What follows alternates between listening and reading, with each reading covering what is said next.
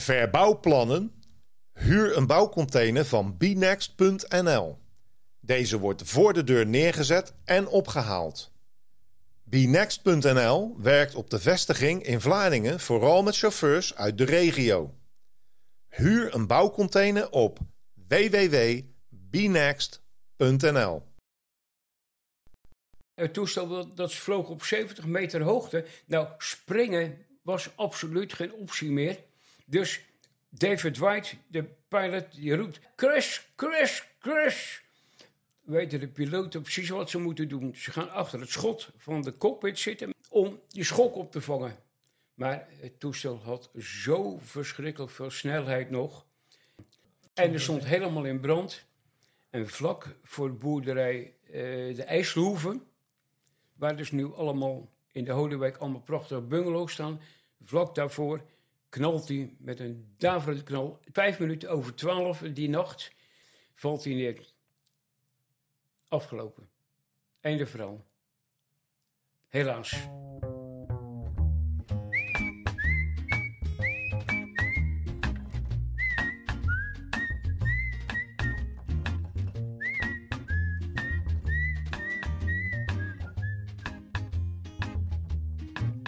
Welkom bij Vlaarse Dingen. Vandaag heb ik de gast Hans van Ekelenburg. U bent voormalig scheepstimmerman. Onder andere op de Holland-Amerika-lijn Ja. heeft u gevaren. Ja. Wanneer hoorde u dat er een bommenwerper was neergestort in Vlaardingen? Dat is inderdaad een hele tijd geleden. Ik werkte bij een toeleveringsbedrijf. Eh, ik was daar gedetacheerd bij de politie, eh, op politiebureau. En daar kreeg ik op een gegeven moment eh, het korpsblad van de Vlaamse politie in handen. En wist steeds mijn verbazing, daarin stond een verhaal van Leon Buisters, inspecteur Buisters, over, de, over een neergestorte Wellington in de Holyroodse polder. En een van mijn hobby's is het modelbouw, vliegtuigen Tweede Wereldoorlog. En de Wellington, waar het dus over ging, stond in mijn vitrine. En toen was mijn interesse gewekt. Ik denk, hé, hey, dat is interessant. Daar ga ik meer over weten. Misschien bij eh, een, enkeling was het verhaal misschien bekend. Maar eh, het was mij totaal onbekend. Ik heb het eh, vliegveld Waldham heb ik nagebouwd. In miniatuur, in karton helemaal. Allemaal toestellen erop gezet. En eh fijn, een hoop mensen die kwamen kijken. Zo, dat hartstikke mooi. Op een gegeven moment, een paar dagen later... vind ik een briefje in mijn brievenbus van ene Pieter Sleeboom. Ik ben bezig met een boekje over die, eh, die Wellington. Eh, nou, eh, Pieter, kom maar eens even praten. Ja, nou, ik, ik ben opgegroeid in de Holywijk. in de buurt van het wijkpark, waar, de, waar dit verhaal zich eigenlijk heeft afgespeeld. Ik ben geschiedenisleraar hier in Vlaardingen. Op het, op het Geuze College. Dus ja, geschiedenis heeft sowieso mijn interesse. En in het bijzonder de geschiedenis van de Tweede Wereldoorlog. Dus eh, ja, daar past dit verhaal natuurlijk heel, eh, heel goed in. Wanneer hoorde jij voor het eerst dat er een bommenwerper in de Holyhoekse polder was neergestort? Ja, nou, ik, hoorde het eigenlijk niet. Ik kwam er ook eigenlijk bij toeval eh, maar achter. In mijn studietijd was ik ook als vrijwilliger actief voor Stiwold, heet die organisatie, Stichting Informatie Wereldoorlog 2. En daar deed ik onderzoekjes voor en ik schreef daar artikeltjes voor. En in die tijd werd toen ook het verliesregister uitgegeven. Dat was een, eh, een samenwerking tussen het ministerie van Defensie en de studiegroep Luchtoorlog.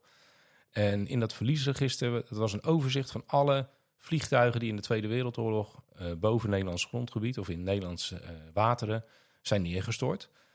Dus daar kwam toen een eerste versie van uit. En ik kreeg dat onder ogen. Nou, ja, daar ga je dan inzoeken. En, en dan zoek je toch naar plaatsnamen die je bekend voorkomen.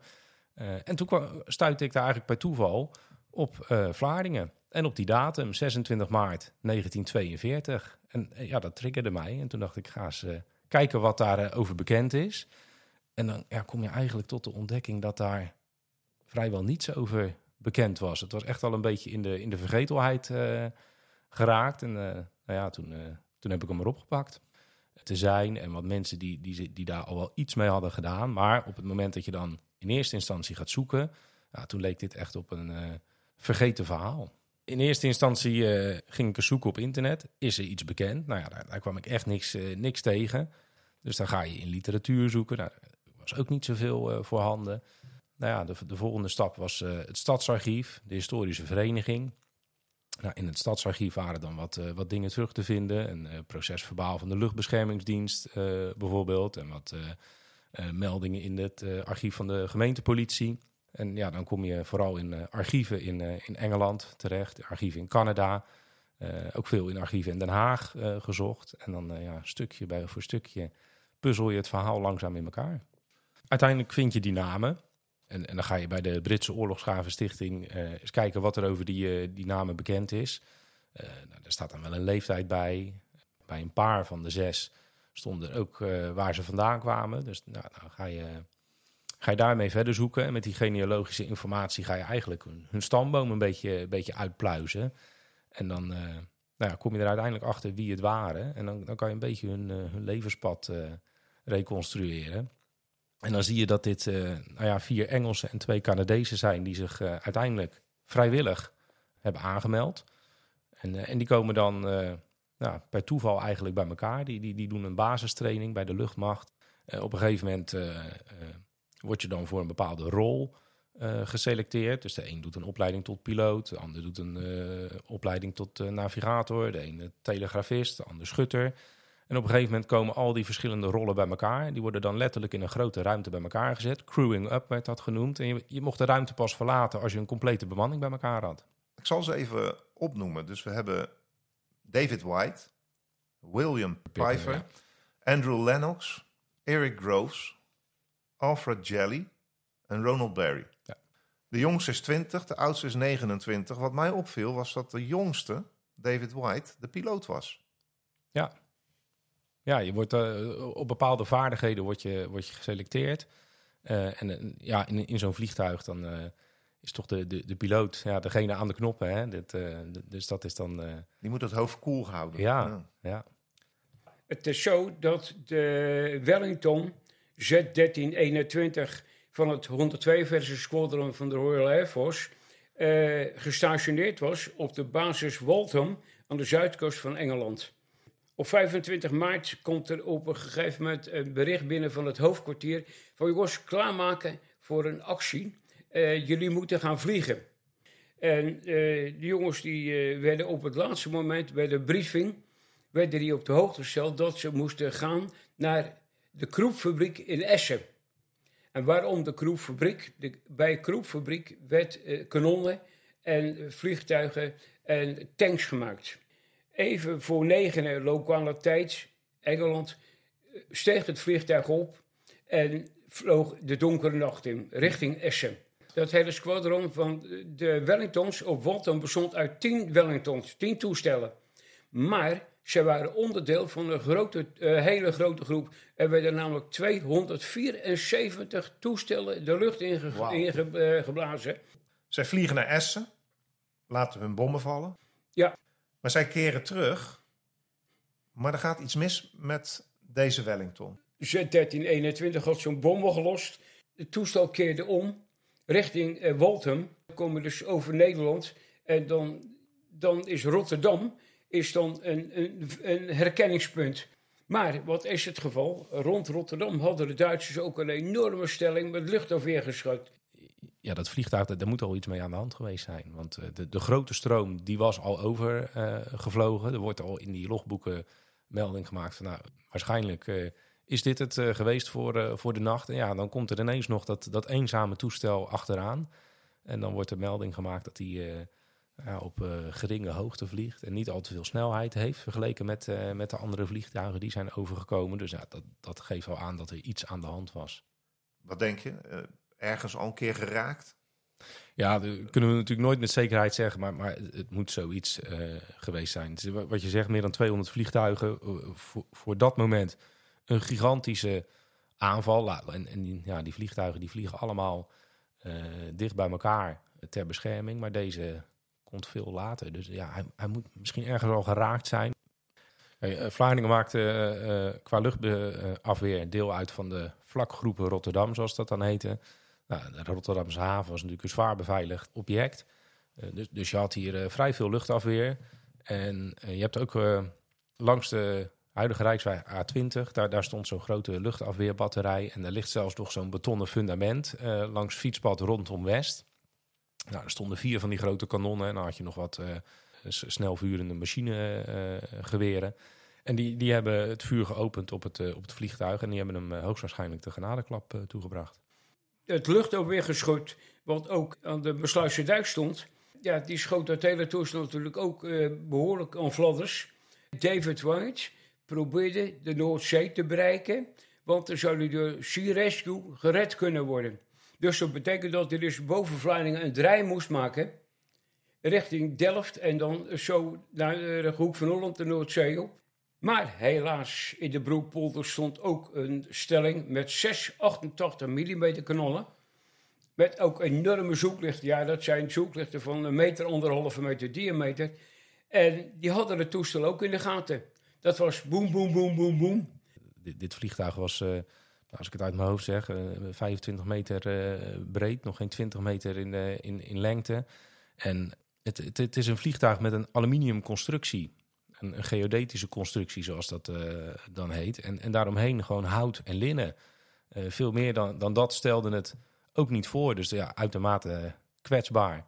Ja, ik zie wel eens van die foto's erbij en dan, ja, dan lijkt het allemaal heel robuust. Nou, in, in zekere zin wel, want die aluminiumconstructie die kon vrij veel ver- verdragen. Eh, er zijn foto's en verhalen bekend van Wellingtons die ja, terugkeerden, waarbij eigenlijk eh, al- alle, al het hout en linnen van de romp bijna weggebrand of weggeschoten was.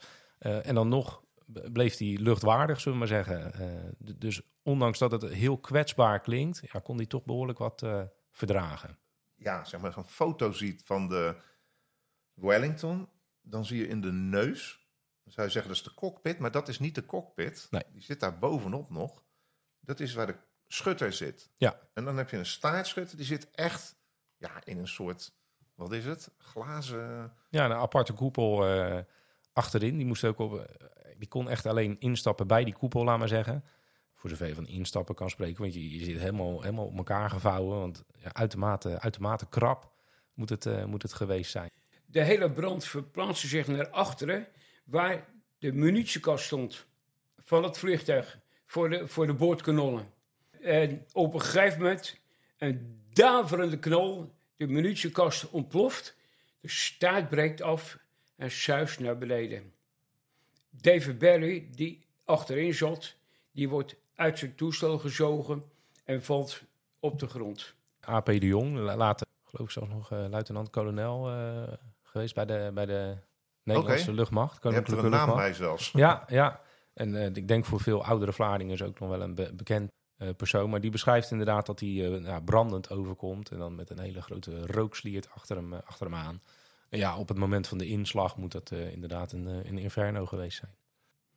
Het hele achterstuk valt op de oprijlaan van boerderij Noorderhuizen. Want er stonden daar natuurlijk een hoop boerderijen. Noorderhuizen, Zuiderhuizen, Middelhuizen en nog een paar. Ik ken bijvoorbeeld, even voor de luisteraar ook, Middelhuis.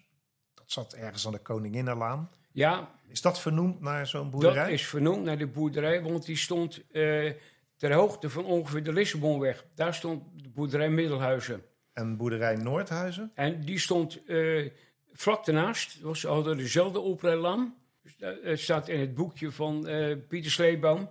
Neergestort in de Holyrookse polder. Daar staat het, de, achterop staat de tekening. Nou, Barry wordt dus uit het toestel gezogen. En valt neer in het weiland, in een sloot. Breekt zijn nek. En die sloot, die moet je nu gesitueerd zien als na de basisschool De Hoesteen aan de Olmerdreef. Er is bijvoorbeeld een, een verhaal bekend van eh, de heer Dirk Zonneveld, die daar eh, voor, de, voor de paarden ook eh, zorgde. En die was daar waarschijnlijk op dat moment nog, want die is eh, bij een van die bemanningsleden eh, geweest, die, die daar in het weiland lag. En die heeft toen zijn vliegercap meegenomen. Nog blijkbaar voordat eh, de Duitsers eh, zelf te plaatsen Dus een soort leren helm? Ja, zo'n leren helm eh, die je kon aansluiten op de, op de intercom. Want eh, hij heeft de cap toen meegenomen van de, van de staartschutter. Dus ja, die moest toch in contact staan met de rest van de bemanning. Eh, dus dan, eh, dan heb je zo'n leren cap op je hoofd. eh, met van die, van die schelpen op je oren. En op een later moment kreeg hij daar toch een beetje een onheimisch gevoel over. Van. Ik heb, ik heb eh, zo'n cap meegenomen van, van zo'n lichaam. Dus na de oorlog, eh, direct na de oorlog, heeft hij contact gezocht met, eh, met de bevrijdingstroepen. met dit verhaal. En toen is iemand van de Royal Air Force is bij hem thuis geweest in de Rozenlaan. En die heeft, heeft die cap eh, opgehaald. Hij, hij had dat gedaan met de bedoeling van dan kan hij terug naar de familie. Nou, daar is hij helaas nooit aangekomen. Je hebt in de Grote Kerk eh, had je de uitkijkpost van de luchtbeschermingsdienst. Nou, die maken melding bij de, bij de politie dat eh, eh, in de richting van Delft een vliegtuig is neergestort. En dan is de vraag, ligt het binnen de grenzen van de gemeente Vlaardingen? Nou, dan worden daar twee agenten op, op pad gestuurd om uit te gaan zoeken of dat zo is. En die komen dan uiteindelijk bij dat, bij dat wrak, of tenminste het, het, het gebied waar de wrakstukken uitgespreid liggen. Want het is een gebied van bijna 300 meter breed.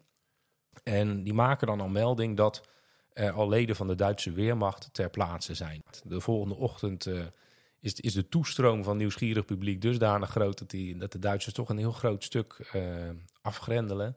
Want ja, ze zitten niet op pottenkijkers eh, te wachten. En dat, en dat wrak dat moet, worden, dat moet worden weggehaald. Nou, dat duurt uiteindelijk nog, nog drie dagen, want hij zit met, toch met de neus wel een stuk in de grond. Dus het laatste stuk moet er uiteindelijk echt uitgetakeld Ja. worden, wordt in het procesverbaal eh, genoemd. Dus ja, dat geeft ook wel aan wat een impact dat, eh, dat geweest is.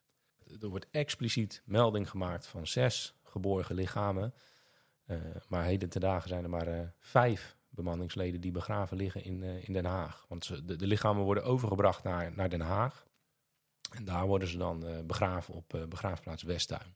En krijgen ze dan al een naam mee? Eh, hebben ze dat kunnen achterhalen?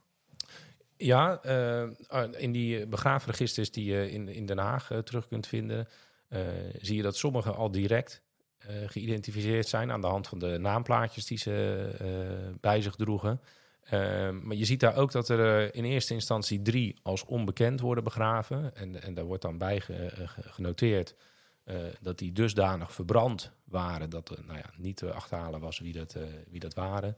Na de oorlog zie je dat er bij de geallieerde bevrijdingstroepen speciale eenheden zijn die dan al die graven weer gaan openen en gaan uitzoeken wie, wie zijn dit. En dan worden, worden ze alle vijf, krijgen ze een, een naam. Ja, wie wordt er nog steeds vermist dan? Ja, Eric Groves, die, die heeft geen, geen bekend graf. Dus zijn naam staat op een speciaal monument in, in Engeland, in Londen. Daar staat een eh, gigantisch monument, Runnymede Memorial heet dat. En er staan de namen op van meer dan 20.000 vliegers eh, die zijn omgekomen, maar geen, eh, geen bekend graf hebben. Er komt een moment dat u besluit om er iets mee te gaan doen. Wat is daar uitgekomen? Nou, het is zo dat eh, je weet zelf dat er in Vlaardingen diverse oorlogsmonumenten staan. Onder andere het Geuzenmonument en het monument op de Verploegse Zeeplein.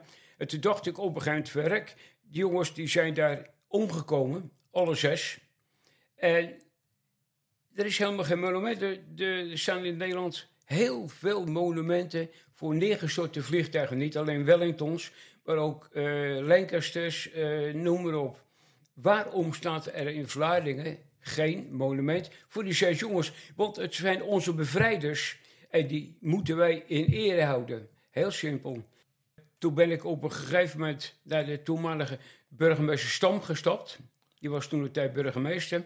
Met het verzoek, joh burgemeester, kan er een monument voor deze zes jongens komen? Het is ook een stukje Vlaamse geschiedenis. Want zij schetst mij verbazing dat ik een paar weken later een brief van burgemeester Stam krijg. Nee, dat gaan we dus niet doen, want ik vind dat er in Vlaanderen twee oorlogsmonumenten genoeg zijn. Einde verhaal, het verhaal, mijn hele onderzoek werd in de laag gegooid en werd niet meer naar gekeken. Ik wilde weten wie die jongens waren. Eh, levens die nou, in de knop eh, gebroken zijn. Die jonge jongens die ver van huis, zeker in het geval van die twee Canadezen, echt mijlenver van huis hun laatste rustplaats hebben gevonden. Ja, dat, dat, dat triggerde mij. Ik, ik wilde weten wie die jongens waren. Dus ik, ik ben op zoek gegaan naar nabestaanden. En ik heb ze gelukkig allemaal eh, kunnen vinden. En dat, eh, Allemaal. ja, ja, families hadden dan eh, toen de tijd, toen die grafstenen geplaatst werden, de mogelijkheid om in een bepaald aantal tekens een persoonlijke boodschap onderaan die steen te laten zetten. Nou, en daar staan ook al hele aangrijpende teksten bij. Dus ja, dat, dat, dat maakte mij in ieder geval nieuwsgierig naar wie zij waren. En, en op een gegeven moment, als je dan een foto ziet, dan krijg je een gezicht erbij. Als je dan de verhalen over zo iemand onder ogen krijgt, ja, dan, krijg je daar echt een, een, beeld bij wat voor jongens dat, uh, dat geweest zijn. En dan ja, gaat dat toch een beetje leven voor je. Enfin, van het een komt het ander. We zijn met z'n tweeën naar de toen aanwezige burgemeester Tjerk Bijsma gestapt. Een andere burgemeester, Tjerk Drijsma, was toen in George. Uh, op het spreekuur. Nou, burgemeester, ik had ondertussen zo'n dossier gemaakt. Er is uh, 42 een Engelse bommenwerper neergestort. En er zijn alle jongens bij omgekomen. Hij zei, dat wist ik niet. Ik zei, nou, zeg, uh, bij deze dan? Hij zegt, jeetje. Ik zei, nou, we komen vragen of het mogelijk is dat er voor de jongens een monument komt. Hoe dan ook, hoe het eruit gaat zien, dat weten we nog niet. Toen zegt Tjerk op een gegeven hij zegt, is het er dan? Ik zei, nee, ik zeg, meneer Breinsma, ik zeg, sorry. Toen vertelde ik het verhaal van burgemeester Stam. Hij zegt, jeetje, hij zegt, ik, nou ja, hij zei, laat maar. Toen zei hij wel iets, laat maar. Uh, hij zei, nou, hij zei, dat is toch te gek voor woorden. Hij zegt, daar gaan we wat aan doen. Ik denk, zo, dit is voor ons. Hij zegt, joh, hij zegt, wat, wat dacht je dat dat zou moeten worden? Ik zei, nou, iets van, uh, als ik zo eens rondgekeken heb, ook van een zwerfkijk. Hij zei, je wat je nou moet gaan doen? Zei, je moet naar de Broekpolderweg gaan, de watersportweg. Daar liggen een heleboel keien voor het Klauterwoud. Hij zegt, ga daar nou eens kijken of daar iets is. Dus ik met Pieter Delle toe. Grote kei gevonden. Nou, fijn afspraak gemaakt. Op een gegeven moment wethouder erbij, burgemeester erbij. Eh, nog iemand erbij van gemeentewerken. Prachtig mooi. Hier een fietspad. Daar een voetpad. En daar de kinderboerderij. Prachtig mooi stukje grasveld. Hij zei, daar gaan we het maken. Burgemeester Bruinsma heeft er geen gras over laten groeien, in elk geval. We zijn hem ook ontzaglijk dankbaar wat dat betreft. Dat hij zo enthousiast was op een gegeven moment. En ook alle medewerking heeft toegezegd. Maar ja, toen lag er nog een kei. En zes kleine keitjes, die dan de zes bemanningsleden moesten voorstellen. Ondertussen had Bruidsma een aannemer geregeld. Uh, een hovenier, die die zes keitjes prachtig mooi in een straatje had gewerkt. In de beton had gegoten en netjes in het, in het straatje had gewerkt. Dus er zat al een kei met een prachtig mooi straatje ervoor. Ja, er moet een muurtje komen. Hoe regelen we dat? Ik denk, wacht even, ik ga naar aannemer van de lucht. Het hele monument is gesponsord door Vlaardingse bedrijven. Ik ben niet buiten Vlaardingen geweest. Ik denk, het is een Vlaardings gebeuren. Van, uh, van de lucht, die zei op een gegeven moment... Hij zei, ja, daar wil ik wel aan meewerken. Hij zei, loop eens even mee. Een stapeltje betonsteen. Grijze betonsteen. Ik dat gaat het worden. Hij zei, nou, dat is prima. Hij zei, dan gaan we dat maken. Het mooie van de grap is... Het muurtje is gemetseld door een werknemer van Van der Lucht. En dat was de zoon van de boer van Noorderhuizen, die er vlakbij zat. Hij heeft dat muurtje gemetseld. Hoeveel leidings wil je het hebben? Ja, nou, het, is bij alle zes natuurlijk weer een, eh, heel apart verhaal. Um, ene gaat makkelijker dan het andere. Dat heeft ook een beetje te maken met, met, met de naam. Komt die veel voor of niet? Kijk, David White. Uh, White is natuurlijk een achternaam in, in Engeland. Ja, zoals ja, Jansen of de Wit inderdaad uh, hier in Nederland. Dus dat is dan echt zoeken naar een speld in een hooiberg. Dat, dat, dat zijn zoektochten die maandenlang geduurd hebben. En in sommige gevallen was dat wat sneller. En om het voorbeeld van Andrew Lennox eruit te halen. Dat is een Canadese jongen. nou, die achternaam is natuurlijk al wat, wat specifieker. En dan ga je op een gegeven moment bij hem was het dan weer puur toevallig dat, dat ik uh, zijn zus wist, uh, wist op te sporen. Die, uh, die was nog in leven. Die woonde in een verzorgingstehuis in Canada. En die had ik, ja, hoe, hoe cru ook. zij werd vermeld in een, in een rouwadvertentie van een ander familielid. En nou ja, daar stond haar naam met woonplaats. Nou ja, de lokale autoriteiten aangeschreven. En die, die konden mij vertellen dat ze daar nog in een verzorgingstehuis woonde. Ik heb deze mensen eerst allemaal een, een brief eh, geschreven. En dat, dat, wel overwogen, want ja, het zijn toch wel gevoelige eh, zaken. En, en, en nou ja, je legt je vinger in sommige gevallen toch echt op een open wond. En, en nou, ik vond het niet passend om daar, daarin te gaan wroeten. Dus ja, dan vond ik een brief. Daarvan kan kunnen mensen zelf beoordelen, ga ik hierop reageren of niet. Kijk, als je bij iemand aan de telefoon hangt, dan, dan is, het alweer, eh, is het alweer anders. Dus ik, ik heb er toen echt voor gekozen, ik stuur die mensen een brief. Dus zodra ik adresgegevens had, heb ik een, eh, een brief gestuurd naar al die, uh, al die mensen. Ja, gelukkig hebben ze daar allemaal op gereageerd. En ook dat is dan weer heel verschillend. Kijk, in het geval van Andrew Lennox, ik, kreeg dan een brief terug van die, van die zus. Ja, ik begon die brief te lezen. Die begon met een heel sierlijk en mooi handschrift. Nou, ze begon te vertellen over hoe, hoe blij ze was dat ze die brief gekregen had. En dat er iemand na al die jaren nog nieuwsgierig was naar het verhaal van haar broer. Maar ja, dat handschrift, dat, dat, hoe verder die brief vorderde, hoe onvaster dat werd. De emoties kwamen gewoon weer aan de, aan de, aan de oppervlakte. En, en nou, op die brief heb ik weer gereageerd, maar toen kreeg ik geen brief meer terug, maar later een, een e-mail van haar dochter. Want die zei van ja, het, het, het, schrijven van die eerste brief, dat was zo emotioneel voor haar.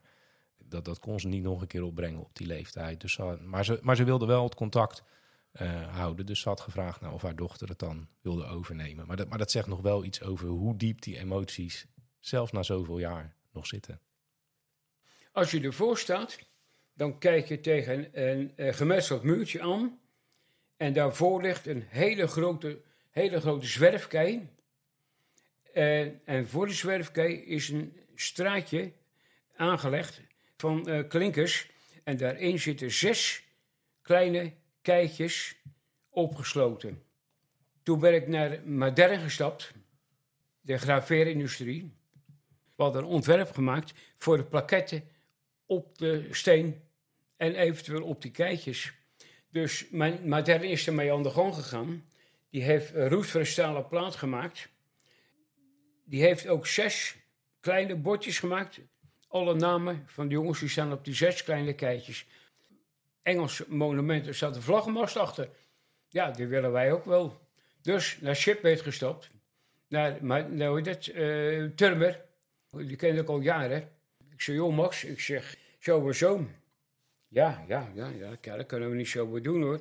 Zeg, nou, zo betekent zo'n groot internationaal bedrijf. Ik zeg, jullie kunnen dat toch wel regelen.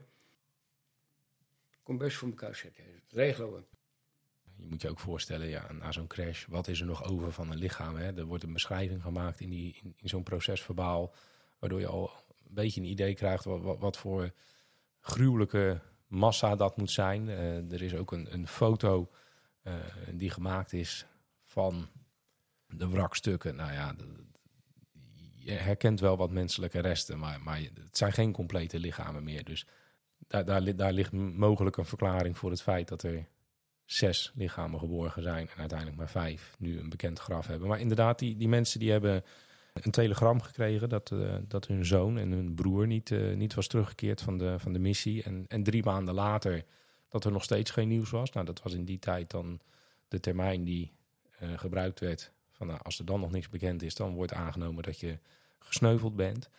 En daar hield voor hun de informatievoorziening op. Nou ja, totdat ze in 2011, nou, inmiddels niet meer die ouders, want die waren natuurlijk overleden. Totdat in 2011 nou ja, er een, een, een, brief op de mat valt van een of andere jonge geschiedenisleraar uit Vlaardingen. Die, die vraagt, joh, uh, deze man, is dat, uh, is dat uh, jullie familielid? Nou, dat bleek zo te zijn. Nou, de, de, de twee neven van, van die Eric Groves, die zijn toen heel snel naar Vlaardingen toegekomen. Toen stond het monument in het Holypark stond er nog niet eens. maar zij wilden gelijk weten wat er gebeurd was en, en welke plekken daarbij hoorden. Ze wilden, ondanks dat hij niet op Westduin begraven is, wilden ze daar toch naartoe. Uh, want ja, daar lagen dan die andere vijf jongens. En dat was dan toch een plek voor hen die nou ja, het dichtstbij kwam. Dus dat er dan nu in Vlaardingen een verhaal boven water kwam, dat was voor hun heel bijzonder. Ik heb contact gezocht met de Royal British Legion. Ze hebben een officier van de Royal Air Force hebben ze bereid gevonden om het monument te onthullen. En op een gegeven moment op uh, eh, 15 juni 2012, met hoop toetersbellen, en pijpen erbij, en doedelzog spelen en een hoop genodigden, zijn we vanuit Triade, het, gebouw wat er, het woongebouw wat er vlakbij staat, zijn we in optocht met eh, kransen naar het monument gelopen. Er lag over de, ik had over de kei had ik een hele grote Britse vlag gelegd.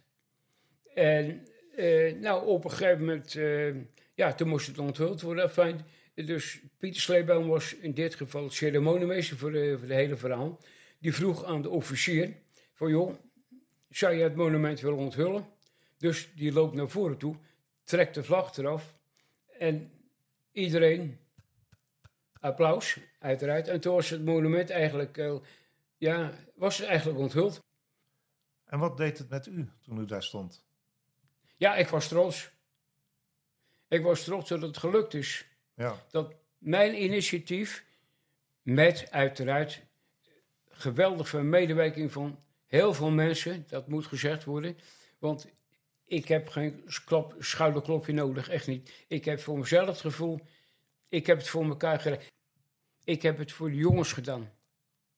Heel simpel. Ik vind gewoon dat onze bevrijders moeten worden geëerd.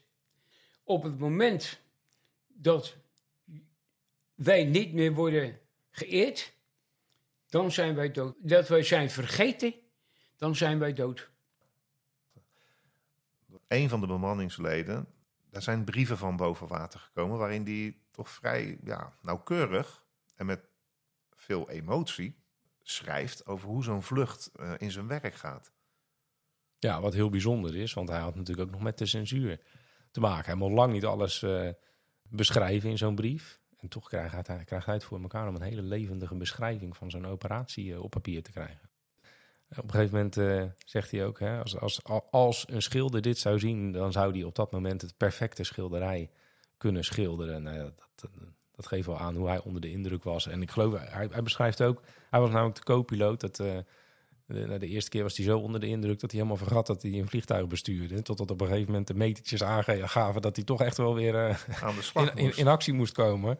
Dus hij werd dan in de bemanning daar ook een beetje mee geplaagd. Hè? Jij met je wolken altijd. En dat, Bij de herdenking heb je iets voorgedragen van hem ook. ja, ja, hij schreef brieven, maar ook, eh, ook gedichten. Dat is wel een heel aangrijpend eh, verhaal. Maar in de, de, laatste brief die hij naar huis heeft gestuurd, daar zat een gedicht bij. Wat dan eh, vertaald in het Nederlands De dood van een soldaat als titel had. En nou, als, je, als je die tekst leest, ja, daar, daar, daar, daar, daar klinkt de angst die hij op dat moment heeft in door. Als je die eerste brieven leest, dan is hij nog vooral onder de indruk hè, van... oh, wat prachtig, hè, dat vliegen tijdens zo'n trainingsvlucht. Heel indrukwekkend. En dan op een gegeven moment beschrijft hij die missie... en dan krijgt hij toch wel door van... ja, wacht eventjes, eh, dit, dit, dit is toch wel menens, hè. Ze, ze, ze schieten met van alles eh, op je. En dan ja, zie je, lijkt het toch in, in die brieven en in die gedichten door te sijpelen... dat ja, toch de angst toeneemt. En wat, wat was zijn naam en functie? Eh, Dat was eh, een van de twee Canadezen, William Piper. Hij, eh, hij was in Canada was hij pianist. En hij, nou ja, hij heeft zijn baan daar opgegeven om vrijwillig bij de luchtmacht te gaan. En hij was de co-piloot. En ik zie dat het je ook nog steeds wat doet. Ja, ik heb zoiets van ieder- iedereen die daar langskomt, al is het maar om je hond uit te laten. Kijk, zodra, zodra je weet welk verhaal er achter die grote steen schuil gaat en wat daar gebeurd is, ja, dan, dan blijft dat voor altijd een andere plek dan zomaar een plek. Pieter, dankjewel. Graag gedaan. Hans van Ekenburg sprak met u deze middag. En ik wil u bedanken voor het eh, neerzetten van dit monument. Om de herinnering aan deze zes jonge gasten levend te houden. Ik denk dat u daar best een schouderklopje voor verdient. Dankjewel. Ik ben er ook erg trots op.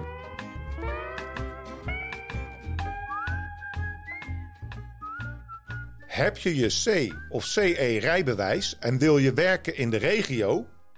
BeNext.nl heeft plek voor goede chauffeurs.